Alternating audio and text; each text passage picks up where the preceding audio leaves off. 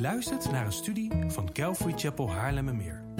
We bidden dat de Heer tot je zal spreken en je zult groeien in jouw persoonlijke relatie met de levende God.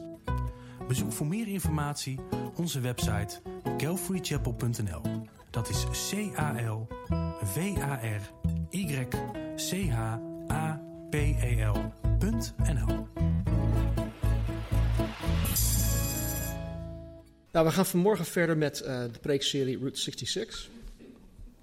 Jullie, jullie, kennen deze zin al uit je hoofd, hè, waarin wij elk Bijbelboek in vogelvlucht bekijken om één, Jezus daarin te gaan ontdekken en twee, om de belangrijkste levenslessen eruit te halen. En vanmorgen kijken wij naar het vijfde Bijbelboek, Deuteronomium. En ik heb mijn uiterste best gedaan om het in één keer uh, vandaag te doen. En het gaat mij ook lukken. Dus uh, we zitten hier wel nog twee uurtjes, maar. Nee, grapje. Maar het gaat me vandaag echt lukken. Uh, om even terug te blikken. In grote lijnen zien wij dat, uh, dat het eerste boek, Genesis, de ondergang van de mens uh, ja, door de zondeval laat zien. Of wij zien dat in dat boek. Um, gemeenschap, oftewel omgang met God, was verbroken. En God zei: Als jij zondigt, als jij doet, als je dat doet, dan ga je sterven. Nou, ze stierven niet meteen ter plekke. Uiteindelijk werd Adam 930 jaar oud of zoiets, ja. En, uh, maar de gemeenschap met God, dat verbrak onmiddellijk. En dat is dan de geestelijke dood. En iedereen die vandaag de dag geboren wordt, is geestelijk, is geestelijk dood. Daarom moet hij wedergeboren worden. Dus dat gebeurde in Genesis. En daarom schrijft de apostel Paulus in Romeinen 6:23 dat het loon van de zonde de dood is. Of anders gezegd, de zonde verdient de dood. Nou, het tweede boek Exodus gaat voornamelijk om Gods verlossing door het bloed van uh, het lam dat op de deurposten gesmeerd werd. Uh, vervolgens heeft God Israël uit de slavernij en de gebondenheid van uh, Egypte gered. Hij heeft hen bevrijd, hij heeft hen verlost. En dit is eigenlijk te vergelijken met hoe God nu uh, in het tijdperk van de gemeente, in het tijdperk van de kerk, uh, door het bloed van Jezus dat vergoten is aan het kruis, mensen uit de slavernij en de gebondenheid van de zonde redt en bevrijdt, verlost. Dus dat is een heel mooi beeld van wat Jezus voor ons gedaan heeft, Exodus. Het derde boek Leviticus leert ons dat het volk Israël alleen gemeenschap uh, met God kon hebben door middel van de verzoening dat tot stand werd gebracht door het offersysteem. En het leert ons hoe zij de God van de Bijbel hoorden te aanbidden en ook hoe zij heilig hoorden te leven. Want God zei: Wees heilig, want ik ben heilig. En de verschillende voorwerpen in de tabernakel en de verschillende offers, die wijzen allemaal naar Jezus. Het vierde boek Numeri, dat gaat voornamelijk om het voorbereiden van het volk Israël. Uh, voorbereiden om het, uh, ja, om, om uh, het koninkrijk van God te, te uit te breiden, te bevorderen. Uh, uiteindelijk om zoveel mogelijk mensen te redden. Eigenlijk wat, wat het doel van de kerk vandaag de dag is, was ook het doel van Israël. Um, maar ja, helaas ging het met Israël totaal mis. Waardoor um, de hele generatie die dus meeging vanuit Egypte, die God bevrijd had, die hele generatie, um, die, die bleef 38 jaar lang in de woestijn rondzwerven.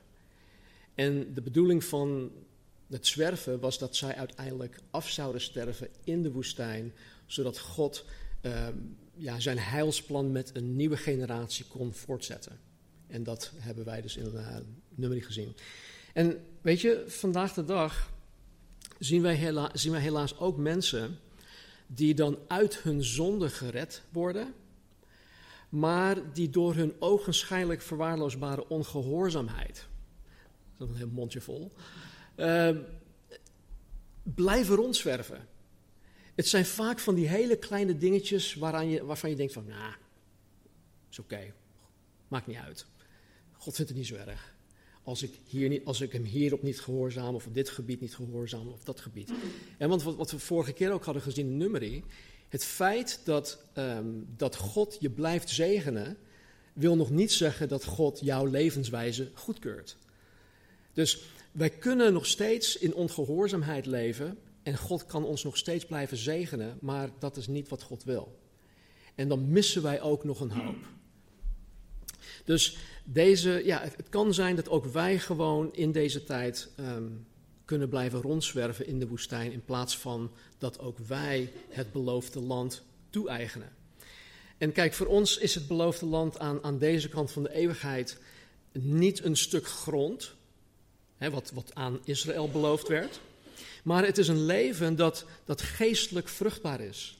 Het is een, een leven dat overvloeit van melk en honing tot eer en glorie van Jezus Christus. Tot eer en glorie van zijn naam. En zoals de Israëlieten in de woestijn, sorry, de rest van hun leven rondzwerven, zwerven er vandaag de dag in mijn optiek te veel mensen die niet alleen het evangelie gehoord hebben, maar die zelfs elke zondag een eredienst bijwonen. En weet je, dit is, dit is zo jammer en het is totaal niet nodig. Het is totaal niet nodig, want God wil juist dat zijn kinderen tot het uiterste genieten. Ja, God wil dat wij genieten van alle voordelen die horen bij een leven dat gekenmerkt wordt door geloof en door gehoorzaamheid. God beloont gehoorzaamheid. God beloont geloof. Dus als je, als je nu tot op een zekere hoogte uh, gezegend bent, maar niet in gehoorzaamheid leeft of wandelt, dan, ja, dan, dan, um, dan mis je veel. En dan, dan is het net alsof je. Um, wat, wat, ja, wat, wat Jezus tegen die vrouw zei. Uh, ja, er liggen wel kruimels onder de tafel. Dat wij als het ware van die kruimels eten in plaats van wat wij eten wat de Heer aan ons weer wil voorschotelen. Nou, de naam van het vijfde boek, Deuteronomium, is samengesteld uit twee Griekse woorden. Deutero, wat tweede betekent, en nomos, wat wet betekent. Maar nu is het niet zo dat God Israël in Deuteronomium een tweede wet geeft. Maar dat de oorspronkelijke wet, met name de tien geboden, herhaalt en verder uitgelegd worden aan de nieuwe generatie die het beloofde land wel ingaan. En uh, ja, wat we ook dan in Deuteronomium zien, is dat het begin, um, ik denk hoofdstuk 1 tot en met 3, een samenvatting is van de gebeurtenissen in Exodus, Leviticus en in Numeri. En dan behalve het laatste gedeelte in hoofdstuk 34, ik denk dat het om 6, 7, 8, 8 versen gaat, werd uh, het boek Deuteronomium ook door Mozes geschreven. Nou, wat, wat ik mooi vind is um, de Hebreeuwse naam voor het boek. Simpelweg is het de woorden. Deuteronomium in Hebreeuws is de woorden. En wat afgeleid is van de eerste zin in het boek. Dit zijn de woorden die Mozes tot heel Israël gesproken heeft. Dus als je met een, een Jood praat en je hebt het over Deuteronomium, dan zullen ze zeggen: nee, het heet geen Deuteronomium, het heet de woorden. En dan een Hebreeuwse naam daarvoor, die ik nu even niet ken. Nou, zoals ik al eerder zei, had um, Deuteronomium eigenlijk nooit geschreven hoeven worden als de eerste generatie in Numeri gewoon had geloofd en gehoorzaamd, dan was, was Deuteronomium eigenlijk niet nodig. Maar nu dat deze eerste uh, generatie afgestorven is, spreekt de nu 120-jarige Mozes tot deze nieuwe generatie woorden van eeuwig leven.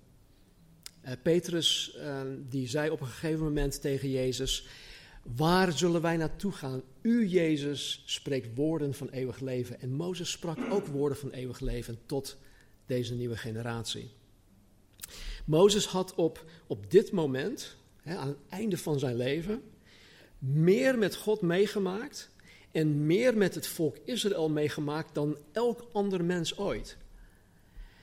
En in die 40 jaar dat Mozes Israël leidde, had hij telkens, telkens weer voor hen gebeden. Hij had telkens voor hen bij God in de bres gestaan. Hij pleitte voor het volk en hij pleitte bij het volk. Hij had het volk geïnstrueerd, hij had het volk gecorrigeerd. Hij spoorde het volk aan. Hij had hen al die tijd ook verdragen, hè, dat, dat morrend, hardnekkig volk.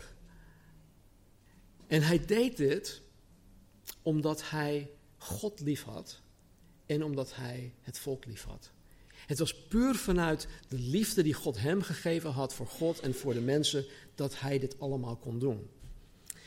En dan ook nog eens op, op basis van zijn ervaring met God en met het volk, En dan door ja, zijn hartzeer en verdriet en al die ervaringen, spreekt hij deze woorden dus in Deuteronomium vanuit het diepst van zijn hart.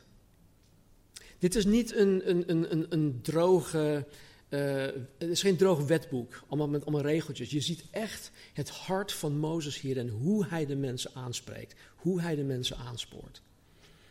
En het doet me denken aan de wijsheid en de zienswijze van de oude apostel Johannes, waarmee hij het evangelie van Johannes heeft geschreven. En ook de, de brieven 1, 2 en 3 Johannes. Het doet me ook denken aan het vaderhart van de apostel Paulus, waaruit hij uh, de tweede brief aan zijn zoon in het geloof Timotheus schreef. 1 Timotheus is hij gewoon heel zakelijk.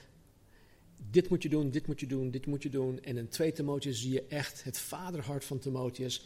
En je, je ziet ook dat hij aan het einde van zijn leven staat. Dat zegt hij ook. Hij zegt, mijn leven komt nu tot een eind. En dan zie je dat, dat, dat Paulus ook zijn hart ook gewoon uitstort in die brief. Nou, Deuteronomium bestaat uit drie toespraken. Um, en die gaan dan over Israëls verleden, hun heden en dan Israëls toekomst in het beloofde land. En wat telkens in zijn toespraken terugkomt, zijn deze woorden. Herinner. Herinner. Onthoud. En dit.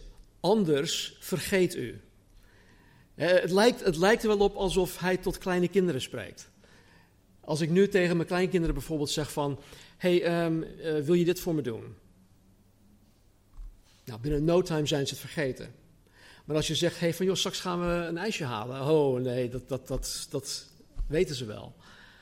Weet je, maar het is net alsof, alsof Mozes tot kleine kinderen moet spreken. Herinner, onthoud en anders vergeet u. Met andere woorden, herinner goed de woorden van God die door mij, Mozes, tot jullie gesproken waren. Ook de woorden, wees op uw hoede, komt regelmatig voor. Nauwlettend handelen zoals de Heer u geboden heeft. Dat komt ook elke keer weer terug. Gods geboden nauwgezegd in acht nemen. Dat komt ook terug. Deze komen, deze komen in meerdere vormen zo'n 74 keer voor. Dat is best wel veel voor een relatief kort boek. Paulus, die, uh, die Deuteronomium uit zijn hoofd kende, schreef aan de kerk in Efeze deze woorden. Let er dan op dat u nauwgezet wandelt. Niet als dwazen, maar als wijzen. In Efeze 5, vers 15. En met nauwgezet bedoelt Paulus dat wij omzichtig wandelen, bewust van elk aspect van ons leven. Dat elk aspect onder de loep van Gods woord, van Gods ogen genomen wordt en dat het continu gewoon getoetst wordt aan God en, en aan zijn woord. Alles in Deuteronomium wees de Israëlieten op het belang van het zich houden aan de woorden van God door Mozes. En voor ons geldt precies hetzelfde. Vandaar dat Paulus ons aanspoort om het woord van Christus in rijke mate in ons te laten wonen. Ik weet, ik, in het Engels zeggen we, hey, he sounds like a broken record. Kennen jullie dat nog? Met een uh, draaitafel als een kras op zat. Ging ting, ting, ting. Ja, nou, I'm a broken record. Laat het woord van Christus in rijke mate in je wonen. In alle drie toespraken komt Gods liefde voor Israël en de liefde dat Israël voor God moet hebben telkens terug. God liefhebben met heel ons hart, ziel en kracht. Of anders gezegd, God boven alles liefhebben in en door heel ons leven heen, is de centrale boodschap van het Bijbelboek Deuteronomium. Deuteronomium 6, 4 en 5 zijn dan ook de sleutelversen. We zien in vers 4, luister Israël. 4 en 5, sorry. Luister Israël. De Heere onze God, de Heere, is één. Daarom zult u de Heere uw God liefhebben met heel uw hart, met heel uw ziel en met heel uw kracht. In de evangeliën van um, Matthäus, Marcus en Lucas staat dat Jezus op een gegeven moment op de proef gesteld wordt door een uh, deskundige op het gebied van de wet van Mozes. En hij vroeg aan Jezus wat het allerbelangrijkst gebod is, het voornaamste gebod in de wet van Mozes is. Waarop Jezus antwoordde: Het eerste van alle geboden is dit. Luister Israël, de Heere onze God, de Heere is één. En u zult de Heere uw God liefhebben met heel uw hart en met heel uw ziel en met heel uw verstand en met heel uw kracht. Dit is het eerste en met, met eerste bedoelt hij het voornaamste gebod. En het tweede is hieraan gelijk, of het tweede hieraan gelijk is dit. U zult uw naaste liefhebben als uzelf. Er is geen ander gebod groter dan deze. En dan in, in Matthäus 22, 40 voegt Matthäus daar nog iets aan toe, wat hij blijkbaar opving uh, en, uh, en Marcus niet. Er staat, Jezus spreekt hier, aan deze twee geboden hangt heel de wet en de profeten. Aan deze twee geboden hangt heel de wet en de profeten. Met andere woorden, de hele Bijbel, de gehele Bijbel, gaat om deze twee geboden. De gehele Bijbel gaat om het onvoorwaardelijk liefhebben van God en het onvoorwaardelijk liefhebben van mensen. Knoop dat heel goed in je oren. Dus elke keer wanneer wij, de Bijbel openslaan, horen wij ons af te vragen wat de Bijbel van ons vereist op het gebied van het liefhebben van God en het liefhebben van mensen. Dat is altijd een hele goede bril om, om doorheen te kijken wanneer wij de Bijbel lezen. Wat vereist God van mij op dit gebied, waar, het gaat om God liefhebben en mensen liefhebben? Nou, ondanks dat de woorden van Deuteronomium 6, 4 en 5 niet in die eerdere boeken van de Torah terugkomen, is het geen toevoeging. Het is niet iets nieuws. Jezus zei zelf ook in, in, in Johannes hoofdstuk uh, ehm, 13 dat hij geen nieuw gebod geeft, maar een oud gebod. En hij zegt hier, uh, of er staat dus dat hier, um, Deuteronomium 6, 4 en 5, dat het uh, dus niet een, een, een, een, een nieuw gebod is, maar het is eerder een, een opsomming van, wat, van, van alles dat, dat, dat, dat Mozes al meegemaakt heeft met God. Mozes heeft 40 jaar lang met God opgetrokken. Hij is de enige, God zegt het zelf, zelf over Mozes, hij is de enige met wie God face-to-face contact heeft gehad. Niet letterlijk, maar hij sprak direct tot Mozes en Mozes tot hem. En, en Mozes heeft in die tijd um, ehm, 40 jaar lang, denk ik, gemediteerd op alles dat God aan hem geopenbaard heeft. En, en dan heeft Mozes ja, gemediteerd in de zin van, van pijnzen en nadenken en filosoferen over alles wat God hem heeft laten zien. En dit heeft ertoe geleid dat Mozes door de Heilige Geest geleid kon concluderen en kon opschrijven dat dit in de Bijbel en in het leven het allerbelangrijkste is. Jezus zelf beaamt dit. Toen die wetgeleerde hem vroeg, wat is het voornaamste? Toen wees hij op Deuteronomium 6, 4 en 5. Nou, wat ik nu wil doen, is de belangrijkste punten uit de drie toespraken van Mozes aanhalen.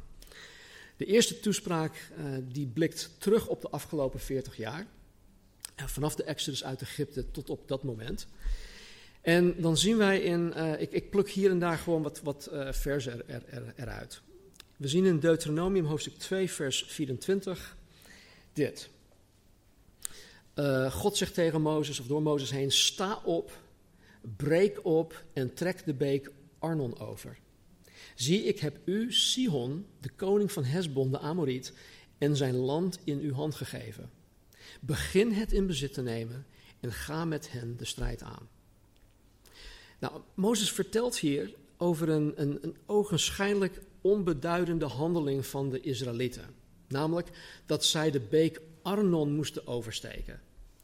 Nou, de beek Arnon was geen grote rivier. Het, was niet iets grandioos als het oversteken van de Rode Zee of de Schelfzee. Maar het had gigantische gevolgen voor Israël. Laten we zien. Vers 25. Op deze dag, spreekt God, zal ik beginnen de volken onder heel de hemel angst en vrees voor u te geven.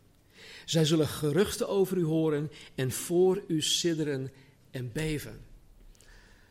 God zei, hij, hij zei dit tegen de nieuwe generatie die het beloofde land zou ingaan.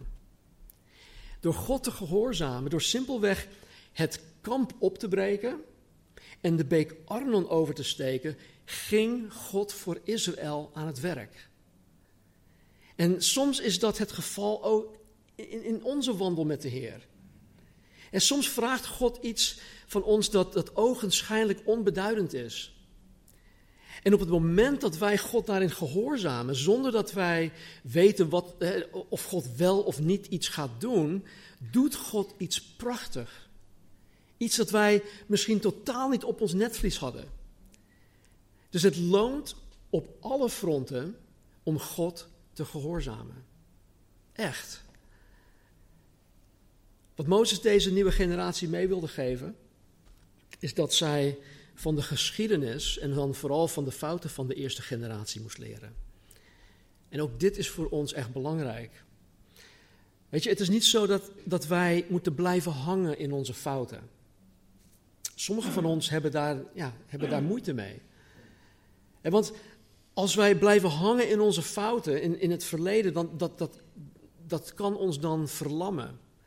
En dan bedoel ik niet letterlijk verlammen, maar het kan ons verlammen in, in de zin dat wij uh, niet meer durven om opnieuw geloofstappen te gaan zetten. Het maakt ons passief. Uh, dit is nu veilig, ik blijf wel lekker zitten in deze stoel. Ik ga geen geloofstappen zetten. Al roept Jezus mij uit de boot, nee, ik blijf lekker in die boot zitten, zoals de andere elf. Dus ja, wij moeten terugblikken om te leren van onze fouten, maar wij moeten niet uh, onze fouten, uh, of we moeten niet door onze fouten bepaald worden, waardoor wij geen geloofstappen meer durven te zetten. De bedoeling is, is dat wij uh, de belangrijke lessen eruit halen, zodat wij niet dezelfde fouten gaan maken en zodat wij in de toekomst dingen gewoon anders gaan doen. dat is, dat is, ja, dat, dat, dat geldt voor het, voor het hele leven. En de les die Mozes hen wilde leren suggereerde dat zij verder moesten gaan. Dat zij door moesten gaan, dat zij God moesten blijven vertrouwen en dat zij geloofstappen moesten blijven zetten. Dus het is niet passief toekijken, maar leren van hun verleden en ervoor gaan. En als je iemand bent die van je eigen fouten leert, nou dan ben je gewoon heel goed bezig. Als je dan ook nog van de fouten van anderen leert, dan ben je zeer goed bezig. Ik heb het voordeel gehad dat ik de jongste van acht kinderen ben. En ik heb mijn, mijn broers en zussen ja, wat fouten zien maken. En ik heb ook van hun fouten mogen leren. En dat is het voordeel als je dan mensen hebt die, die voor jou uit zijn gegaan, die fouten hebben gemaakt, dat je ook van hun fouten leert. En dat wil God. Zoals we in onze studie van Numeri hadden geleerd, is het in 1, uh, in 1 Korinthe 10 Gods bedoeling dat wij van de fouten in Israëls geschiedenis leren. En leren om niet dezelfde fout in te gaan. In Deuteronomium 4, vers 7. Want welk groot volk is er, waar de goden zo dichtbij zijn als de Heere onze God bij ons is? Altijd als wij tot Hem roepen. Het is een retorische vraag. Natuurlijk is het antwoord de Heere onze God. Maar welk groot volk is er waar de goden zo dichtbij zijn? Als onze heren. Kijk, voor ons die, die, die al een tijdje uh, christen zijn, denk ik, is dit gewoon geworden. Wij komen tot geloof, wij lezen onze Bijbel, wij weten dat God bij ons is, we weten dat God tot ons spreekt, we weten dat God ons aanhoort, dat Hij ons verhoort. En het, voor ons wordt dat een beetje gewoon. Maar in die tijd waren, waren er allerlei goden die door heidense volkeren aanbeden werden. Die in tegenstelling tot de levende God van Israël allemaal levenloze standbeelden waren. Onder andere Jeremia 10 en de psalmen hebben dit te zeggen over deze afgoden. In psalm 135. De afgoden van de heidevolken zijn zilver en goud. Werk van mensenhanden. Ze hebben een mond, maar spreken niet. Ze hebben ogen, maar zien niet. Ze hebben oren, maar horen niet. Er is zelfs geen adem in hun mond. De afgoden van alle volkeren rondom het volk Israël waren niets meer dan de maaksels van mensen. Het staat ook in Romeinen hoofdstuk 1 trouwens. Vandaar dat de levende God van Israël telkens over zichzelf zei dat hij heilig is. Heilig betekent geheel anders. Hij is geheel anders dan al deze afgoden. Waarom? Ten eerste omdat hij leeft. En ten tweede omdat hij hun aanhoort. Hij spreekt tot hen. Hij houdt van hen. Hij is met hen. God is heilig. Hij is geheel anders. In het volgende vers. En welk groot volk is er dat zulke rechtvaardige verordeningen en bepalingen heeft als heel deze wet, die ik u heden voorhoud? Veelal, en dit is heel jammer, wordt de wet van Mozes of de Bijbel in het geheel gezien als een hoop regeltjes geboden en verboden. Alsof God een gigantische pretbederver is. Maar hier schrijft Mozes dat de wet rechtvaardig is en hij prijst de wet van God aan. Kijk naar wat Psalm 19 over de wet zegt. De wet van de Heere is volmaakt. Zij bekeert de ziel. De getuigenis van de Heere is betrouwbaar. Zij geeft de eenvoudige wijsheid. De bevelen van de Heere zijn recht. Zij verblijden het hart. Het gebod van de Heere is zuiver. Het verlicht de ogen. De vrezen des Heeren is rein. Zij houdt voor eeuwig stand.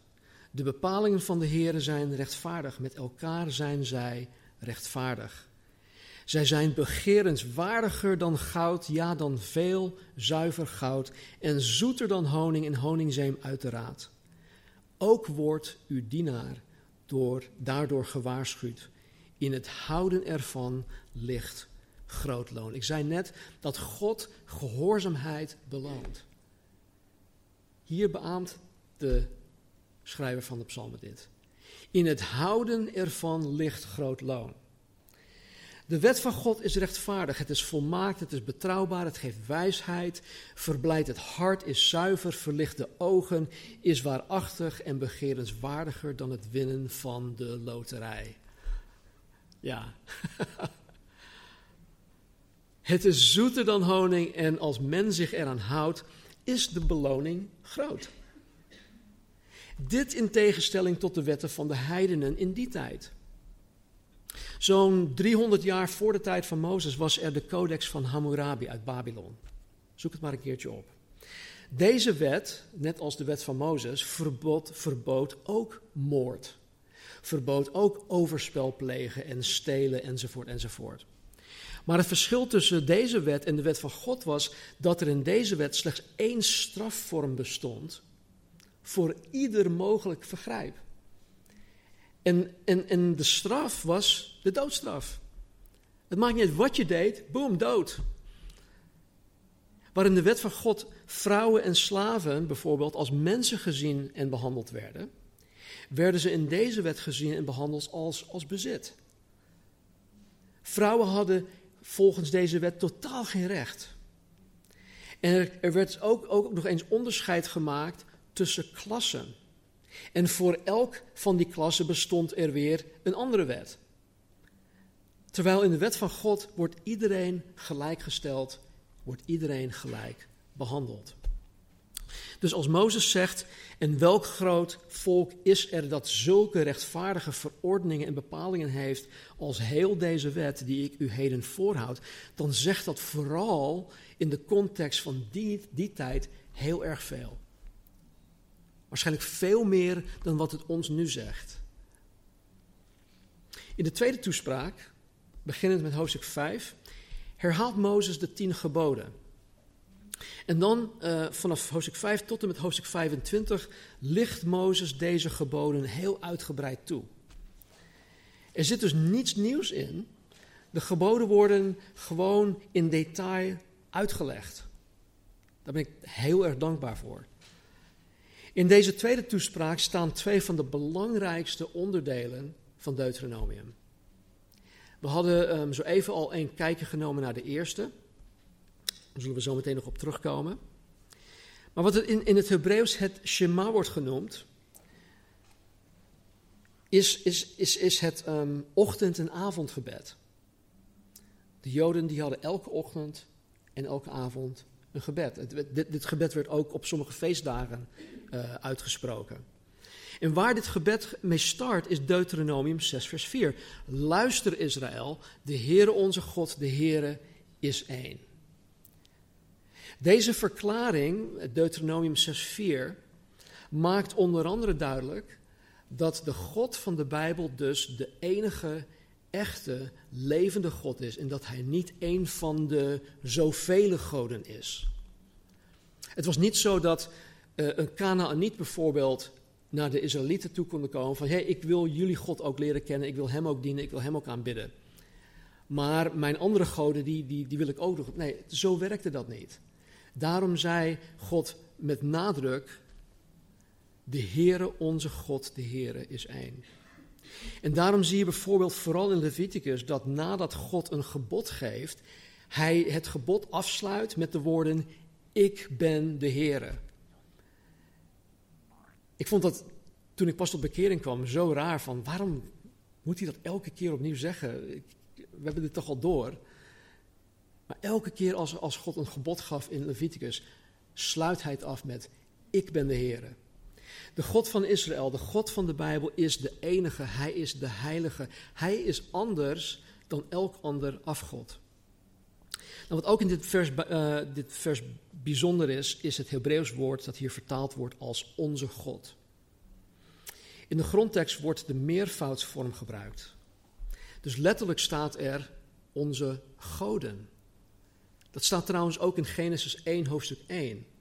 In den beginnen schiep God Elohim, wat meervoudig is, de hemel en aarde. En hier ook um, wordt in de grondtekst de meervoudsvorm gebruikt. En dit spreekt dus van de drie-eenheid. Nou, wat het nog bijzonderder maakt, ik weet niet of dat een woord is, maar bijzonderder, uh, is dat in de grondtekst het Hebreeuws woord voor één, dus voor één, niet het woord is dat iets enkelvoudig beschrijft, maar iets meervoudig. Uh, denk bijvoorbeeld aan een, een tros druiven. Een tros druiven. Ja, het is één tros, maar het bestaat uit meerdere druiven. En zo dus ook hier is God één God, maar hij bestaat uit drie personen: Vader, Zoon en Heilige Geest. In vers 5 Daarom zult u de Heere uw God liefhebben met heel uw hart, met heel uw ziel en met heel uw kracht.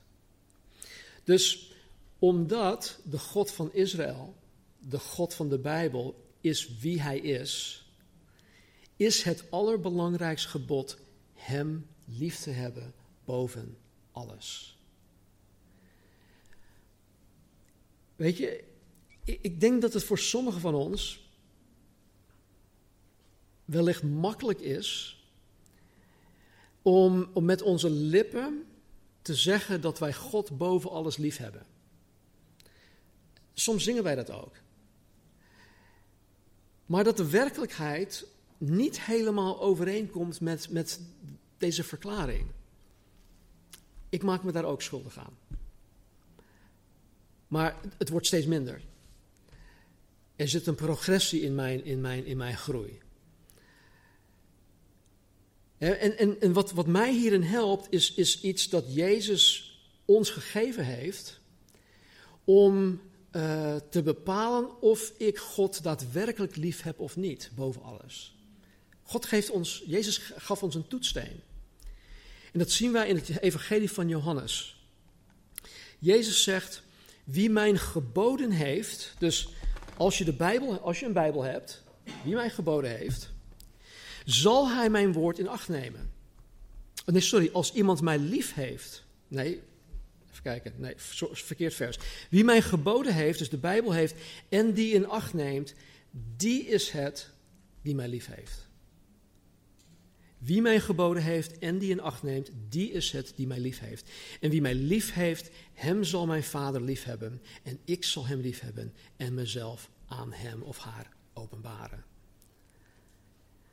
Even verderop zegt Jezus: Als iemand mij lief heeft, zal hij mijn woord in acht nemen. En mijn vader zal hem lief hebben. We zullen naar hem toekomen en bij hem intrek nemen. Dus met andere woorden, hij woont in ons. Wie mij niet lief heeft, neemt mijn woorden niet in acht. En het woord dat u hoort is niet van mij, maar van de Vader die mij gezonden heeft.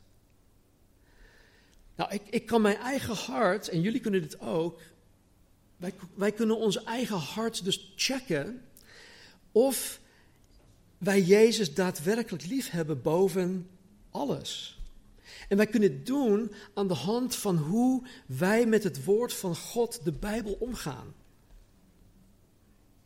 Jezus benadrukt het hebben van de Bijbel en het in acht nemen van wat er in de Bijbel staat. Die persoon bewijst daarmee dat hij of zij Jezus lief heeft. Hij heeft het ons heel makkelijk gemaakt. Wij hoeven ons niet af te vragen, wij hoeven niet op retret, na, op retret om, te, om uit te vinden, oh heb ik God wel lief ja of nee. Het staat hier in deze twee versen. Hij heeft het ons zo makkelijk gemaakt. En in het negatieve zegt Jezus, wie mij niet lief heeft, neemt mijn woorden niet in acht. Dus nogmaals, heel simpel. Als je een Bijbel hebt, dan moet je elke dag, of dan moet je die Bijbel elke dag openslaan en bestuderen om Gods geboden überhaupt in acht te kunnen nemen. Als je de Bijbel niet openslaat, dan weet je niet wat er staat. Dan weet je ook niet dat je, dat je God moet gehoorzamen of waarin je God moet gehoorzamen. En als je dit doet, dan bewijs je daarmee dat je God boven alles lief hebt. Integendeel, als je je Bijbel hebt, of als je een Bijbel hebt en er geen behoefte aan hebt om het überhaupt te openen, dan bewijs je daarmee dat je God dus niet lief hebt. Het klinkt heel hard. Dit, zijn niet mijn woorden, dit zijn de woorden van Jezus. Hè? Dus, I'm the messenger.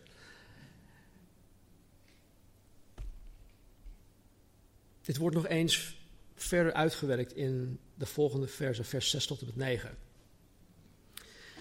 Mozes zegt, deze woorden die ik u heden gebied, moeten in uw hart zijn. U moet ze uw kinderen inprenten en erover spreken. Als u in uw huis zit en als u over de weg gaat. Als u neerligt en als u opstaat. Met andere woorden, gewoon in het normaal leven moeten wij dit doen. Niet alleen op zondagochtend wanneer ik hier een, hè, een, een monoloog eh, voer. Nee, elke dag, gewoon in het leven. U moet ze als een teken op uw hand binden en ze moeten als een voorhoofdband tussen uw ogen zijn. U moet ze op uw deurposten van uw huis en op uw poorten schrijven. Nou, wat dit voor ons anno 2020 betekent, is dat wij elke dag onze Bijbels lezen, bestuderen, Bijbelversen memoriseren, enzovoort, enzovoort. We hoeven niet per se Bijbelteksten op onze deurposten en de poorten te schrijven, maar hiermee zegt God wel hoe belangrijk Hij het vindt, hoe belangrijk God het vindt, dat wij dagelijks, overal waar wij zijn, in alles dat we doen, in ons denken en in ons doen en laten, doordrenkt zijn en bepaald worden door het woord van God van de Bijbel. Het is niet zo dat wij God en de Bijbel in dit vakje hebben van ons leven. En dat wij gewoon in meerdere vakjes van ons leven ons eigen ding doen. Nee, God hoort in alle vakjes aanwezig te zijn. Gods woord hoort in alle vakjes aanwezig te zijn. En het hoort ons in alles te bepalen. En dit klinkt misschien heel cru, maar dit is dus niet mogelijk als je blijft miepen over hoe moeilijk je het vindt. Of dat je het niet snapt, of dat je het niet kan, of omdat je niet goed leest, of dat je er gewoon geen behoefte aan hebt, nou, enzovoort, enzovoort. Kijk, de keus is en blijft aan jullie, aan jou. God heeft ons keuzevrijheid gegeven. Als jij ervoor kiest om God niet boven alles lief te hebben, dan mag dat. Dat mag. Maar dan doe je jezelf en de mensen om je heen alleen maar tekort. Dan mis je die beloning van het in acht nemen van het woord van God. Dan mis je de beloning van het uh, het, het, het beloofde land leven. Waarin jouw leven vruchtbaar wordt. Waarin jij 30, 60, 100voudig vrucht voor de Heer gaat dragen. Dan neem je genoegen met die kruimels die onder de tafel ligt. En niet wat de Heer aan jou wil voorschotelen. Nog één ding, denk ik. In Deuteronomium 18, vers 15. Oh, dit is het tweede allerbelangrijkste. Een profeet uit uw midden, uit uw broeder, zoals ik, zal de Heere uw God voor u doen opstaan. Naar hem moet u luisteren. Ja? Een profeet uit uw midden, uit uw broeders, zoals ik, zal de Heere uw God voor u doen opstaan. Naar hem moet u luisteren. Weet jullie nog toen wij Genesis met elkaar behandelden, dat ik in Genesis 3, vers 15 het proto-evangelium aanhaalde, waarin God direct na de zondeval de komst van de Messias, Jezus Christus, al aankondigde. Nou, nu is hier alweer zo'n aanwijzing dat Jezus eraan zit te komen. De profeet in dit vers met hoofdletter P wijst naar niemand anders dan Jezus Christus. En hier profeteert uh, Mozes dat de Messias uit hun midden als een Joodse broeder zal opstaan. En dit zei Mozes al 1400 jaar voordat Jezus geboren werd. Toen Johannes de Doper op het toneel kwam. Fast forward. En toen hij begon te preken dat men zich moest bekeren, omdat het koninkrijk van God nabij was, toen hij mensen ging dopen tot bekering, toen vroegen de mensen aan hem of hij de lang verwachte Messias was. Want denk, denk hierover na. 400 jaar lang, tussen het Oude Testament en de komst van Johannes de Doper, sprak God totaal niet tot de mensen. Er was, dat noemen ze de 400 stille jaren.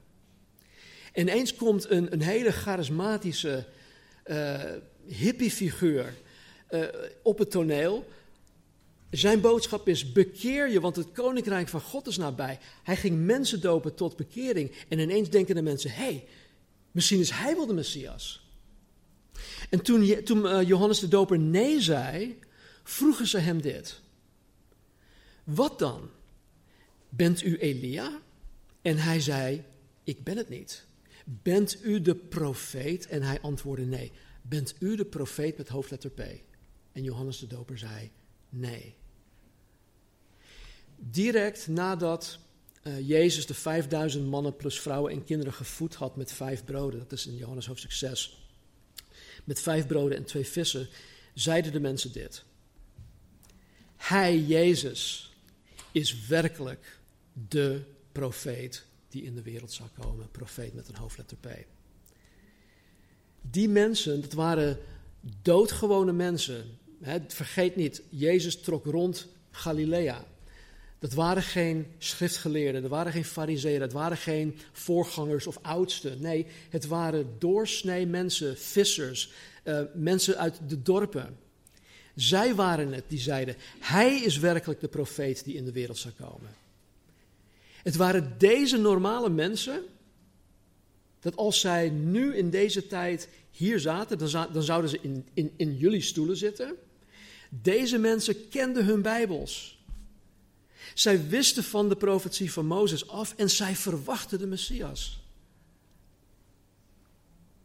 Jezus is daadwerkelijk de profeet waar Mozes over sprak en schreef. Nou, tot slot nog iets vanuit de derde toespraak. In hoofdstuk 27 roept God twaalf vloeken over het volk uit. Als zij zich schuldig maken aan de zaken die daar genoemd worden. En de zaken die daar genoemd worden, die zijn voor God, of in Gods ogen, een gruwel. En het zijn, het zijn gewoon de dingen waarmee alle Canaanieten zich, zich bezig hielden. Het, het waren gewoon de wereldse dingen om hun heen. En God zegt hiermee dat als Israël, die beter weet omdat zij de wet van God hebben, zich schuldig maakt aan dezelfde zonde als die van de Canaanieten, God hen zal straffen. In hoofdstuk 28 zien wij een hele lijst van zegeningen en vervloekingen. En God is, is hierin heel duidelijk. Hij wil, Israël, hij wil Israël zegenen. Dat wil God. Dat is zijn hart voor Israël. Hetzelfde geldt voor ons. Hij wil ons zegenen. Waarom? Omdat hij een liefdevol, liefdevolle en zegenende God is. Hij wil ons zegenen. Hij houdt van Israël. Maar als zij God verwerpen door zich niet aan zijn woord te houden, dan zijn daar consequenties. En sommige van deze vervloekingen die in hoofdstuk 28 staan, eh, heeft Israël reeds ondervonden. Bijvoorbeeld de aanval van Babylon op, um, op Jeruzalem in 586 voor Christus. Dat is nu al geschiedenis. En vervolgens de ballingschap van 70 jaar lang. Dat was, dat was een gevolg van het verwerpen van God en zijn woord. De verwoesting van de tempel in 70 na Christus. Dat wordt hier ook genoemd. Wat er met de Joden is gebeurd in de Holocaust. Dat werd ook voorspeld. En de huidige ongelovige staat van het volk Israël, waarmee ze tot, tot nu toe te maken hebben. Deze dingen zijn Israël overkomen omdat zij hun God en zijn woord hebben verworpen. In hoofdstuk 33 zegent Mozes de twaalf stammen van Israël. In hoofdstuk 34 laat God Mozes het beloofde land vanaf een berg zien. Maar dan zegt hij nogmaals tegen Mozes: Kijk, daar is het. Maar jij mag het volk niet in het land leiden. Jozua gaat dat doen. En vervolgens sterft Mozes op die berg en God zelf begraaft hem. En tot op, nu, tot op de dag van vandaag weet niemand waar Mozes begraven is. Het is een onbekende plek. Mozes mocht het beloofde land niet ingaan omdat hij God bij het volk niet juist had vertegenwoordigd. Maar weten jullie dat Mozes uiteindelijk wel het beloofde land in is gegaan?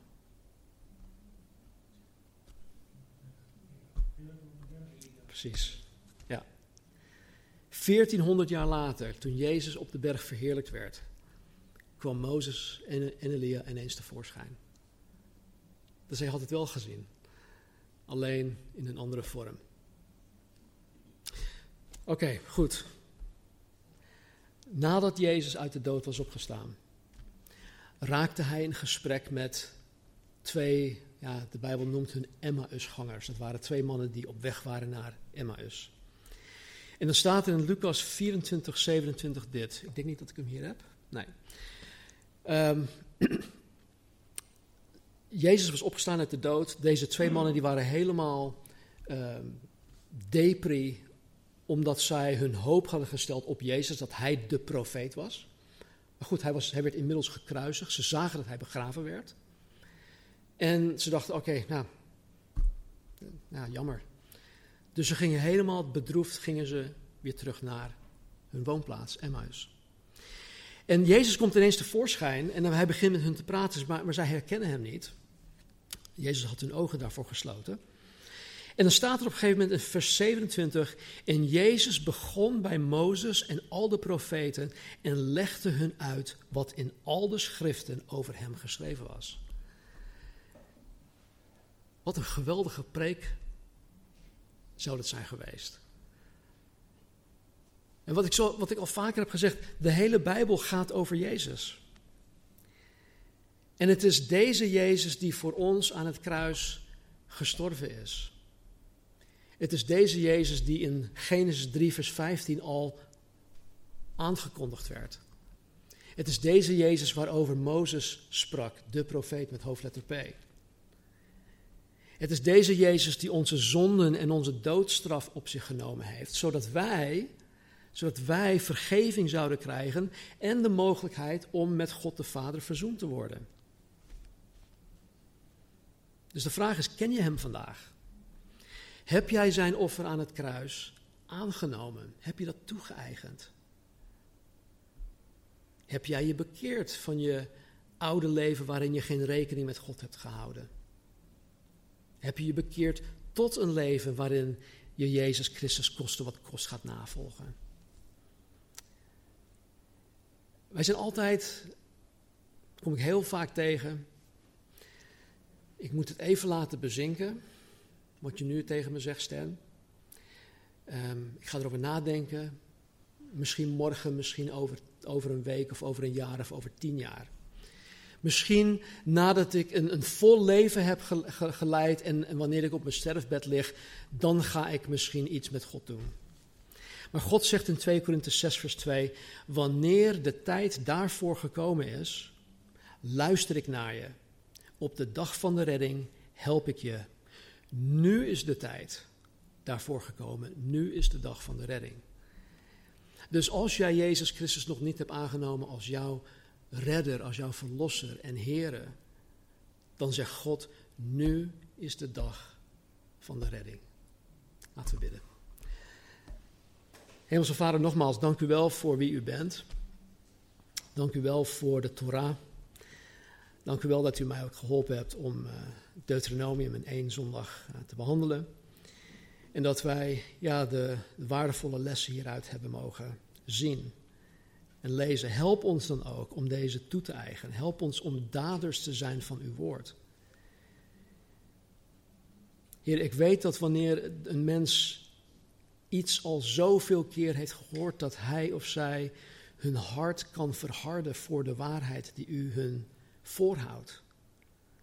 Laat dat vandaag niet zo zijn, Heer. Maar verzacht de harten vandaag.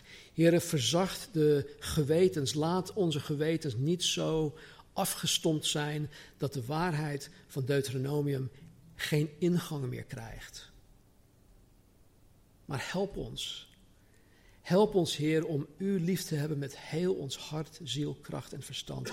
En, en help ons om dat te bewijzen in ons leven. Ten eerste voor onszelf, door uw woord elke dag te openen. Door de waarde daarvan in te zien. Heer, zodat we niet genoegen nemen met die kruimels, maar dat wij daadwerkelijk zullen feesten. Feesten, heren, van uw woord. Dus help ons, vergeef ons, waar wij daarin nalatig zijn geweest, waarin wij daar uh, hardnekkig en koppig in zijn geweest. En laat vandaag, laat, ja, een, een nieuwe, deze nieuwe dag, uh, help ons om vandaag een, een nieuwe start te maken. Met een schone lei. Dank u wel. In Jezus' naam. Amen.